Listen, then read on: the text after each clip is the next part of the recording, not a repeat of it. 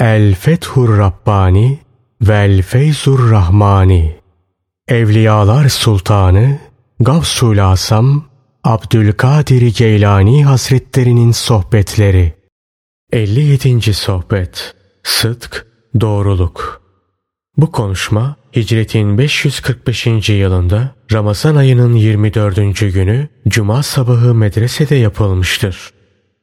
Ey oğullar! Bana bir tanecik doğruluk veriniz. Bana bir doğum tanesi kadar doğruluğu tasadduk ediniz. Mallarınız, mülkleriniz, ev ve aileleriniz hakkında istediğiniz serbestliğe sahipsiniz. Ben sizden doğrulukla ihlastan başka bir şey istemiyorum. Sadece doğru olunuz, ihlaslı olunuz diyorum. Bunların faydası da sizedir. Ben sizi sizin menfaatiniz, sizin iyiliğiniz için istiyorum. Kendim için istemiyorum. Gerek dille ve gerekse kalbi konuşmalarınızı kayıt altına alınız, zapturapt altına alınız.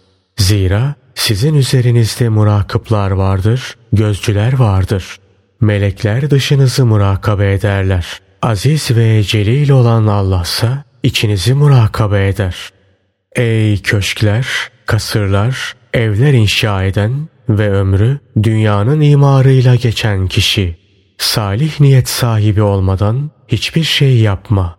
Dünyada binanın esası salih niyettir. Nefsinle ve hevai arzularınla senin binan olmaz.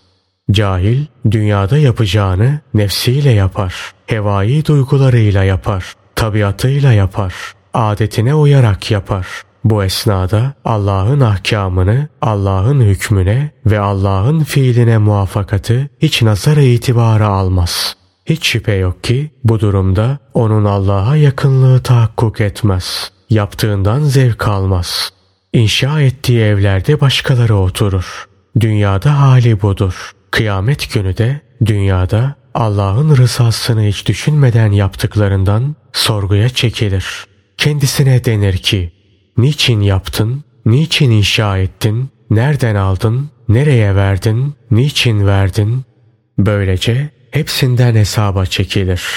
Sen Allah'tan onun hükmüne ve takdirine razı olup boyun eğme duygusunu sana nasip etmesini iste. Kendi kısmetine ve helal kazancına kanaat et. Kısmetinde olmayanı isteme. Resulullah sallallahu aleyhi ve sellem şöyle buyururlar.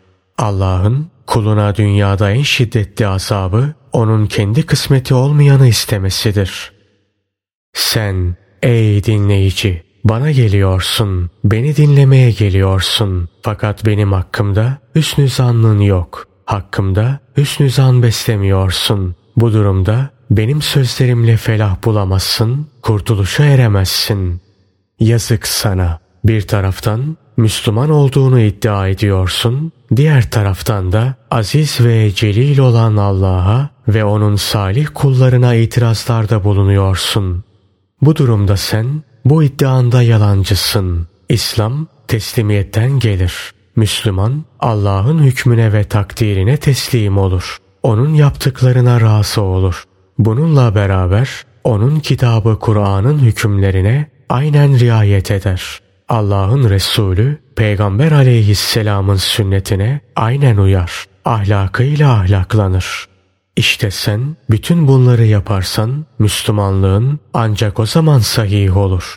Uzun emelin getireceği uğursuzluk seni günahkarlığa düşürmesi, Allah'a isyana, Allah'a karşı gelmeye sevk etmesidir. Uzun emeller peşinde koşan kişi öleceğini hiç düşünmediğinden Allah'ın ahkamına ve Resulullah sallallahu aleyhi ve sellemin ahlakına aykırı olan şeyleri işlemekten çekinmez. Sen ne zaman ki uzun emellerini kısaltır ve bir gün mutlaka öleceğini hatırına yerleştirirsen işte o zaman sana hayırlar gelir. Eğer felah, kurtuluş istersen hemen o hayırlara yapış. Mümin kader kendisine ne getirirse onu hemen alır. Ona razı olur. Bununla beraber şeriata da uyar.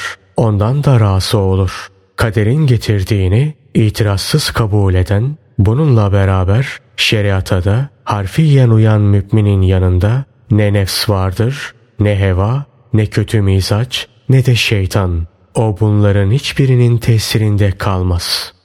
Demek istiyorum ki mümin nefse, hevaya, şeytana karşı ilahi yardıma mazhar olur. Yoksa nefs, heva, heves, şeytan tamamen yok olur demek istemiyorum. Zira peygamberler hariç biz insanların hiçbirimiz günahtan masum değiliz. Kadere canı gönülden rıza gösteren, bunun yanında şeriata ve Allah Resulü'nün ahlakına da sıkı sıkıya bağlı kalan bir müminin de nefsi vardır, hevası vardır. Onun karşısında da şeytan vardır. Fakat onun nefsi, nefsi mutmainne mertebesine ermiş, hevası mağlup olmuş, tabiatı kurumuş, şeytanı hapsolmuştur. Bu yüzden bunlardan ona hiçbir zarar gelmez. Şeytan onun etrafında dolaşır fakat kendisini bulamaz. Tevekkül sebeplere saplanıp kalmamak demektir. Tevhid kainatta yegane tasarruf sahibinin Allah olduğunu ve onun ilmi ve iradesi dışında hiçbir şeyden ne bir zarar ne de bir fayda gelmeyeceğini bilmek demektir.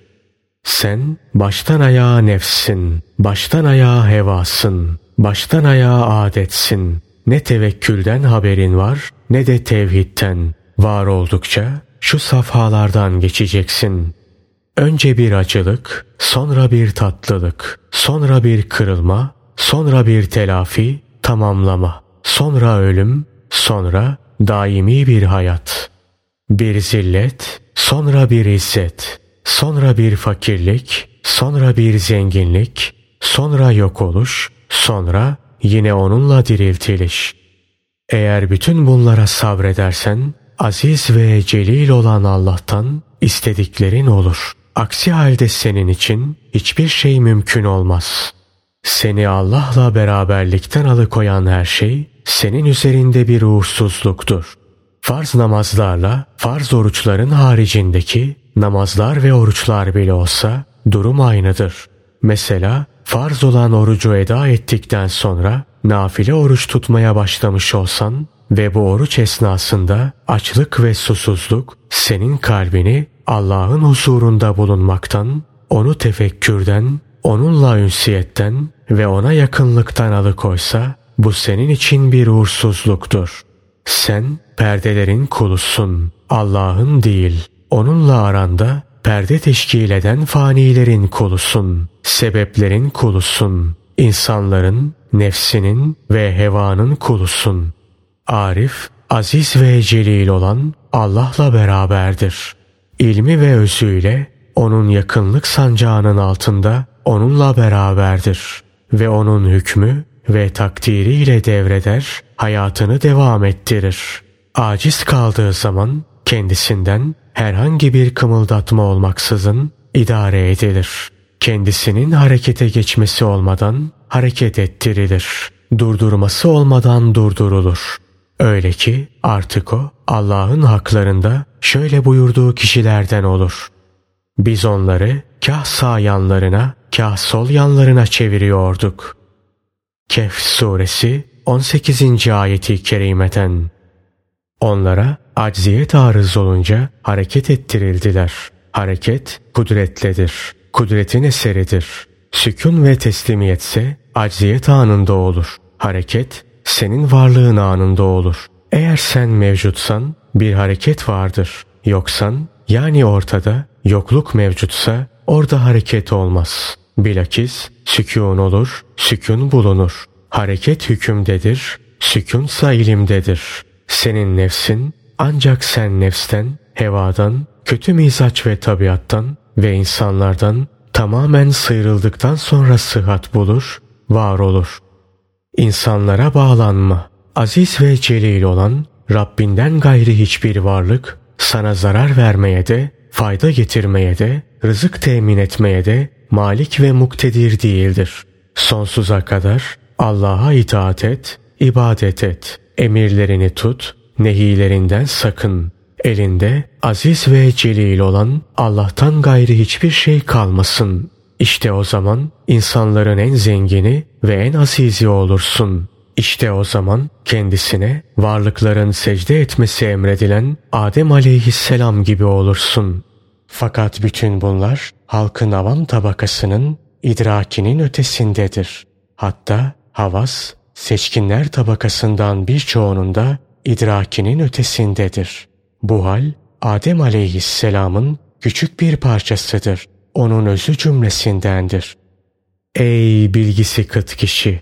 Önce insanlardan faydalan. Onlardan öğrenmen gerekenleri öğren, sonra ayrıl.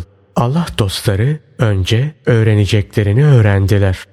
Sonra da kalpleri yönünden insanlardan ayrıldılar. Allah dostları zahiren insanlarla beraberdirler. Halkla beraberdirler. Çünkü onların hallerini düzeltmek ve ıslah edebilmek için buna mecburdurlar. Esasen bununla vazifelidirler. Onun için zahiren halkla beraber olurlar. Onlarla hemhal olurlar, haşır neşir olurlar. Batınları ve kalpleri itibariyle ise Allah'ın hizmetinde ve sohbetinde Allah'la beraberdirler. Onlar zahiri ahkamda insanlarla beraber ve bir arada bulunurlar. Fakat kalben onlardan uzaklaşırlar. Kalpleri Allah'tan gayri her şeyden kopar ve uzaklaşır. Zahirdeki meşgaleleri ahkam-ı ilahiyi tatbik etmektir. Ne zaman ki elbiseleri kirlenirse yıkarlar, güzelleştirirler, kokular sürerler. Elbiseleri yanar veya eskirse yamarlar, dikerler, düzeltirler. Allah dostları reislerdir, halkın önderleridir. Halk ise onların bir zerresidir. Allah dostları yeryüzünün yüce dağları gibidirler.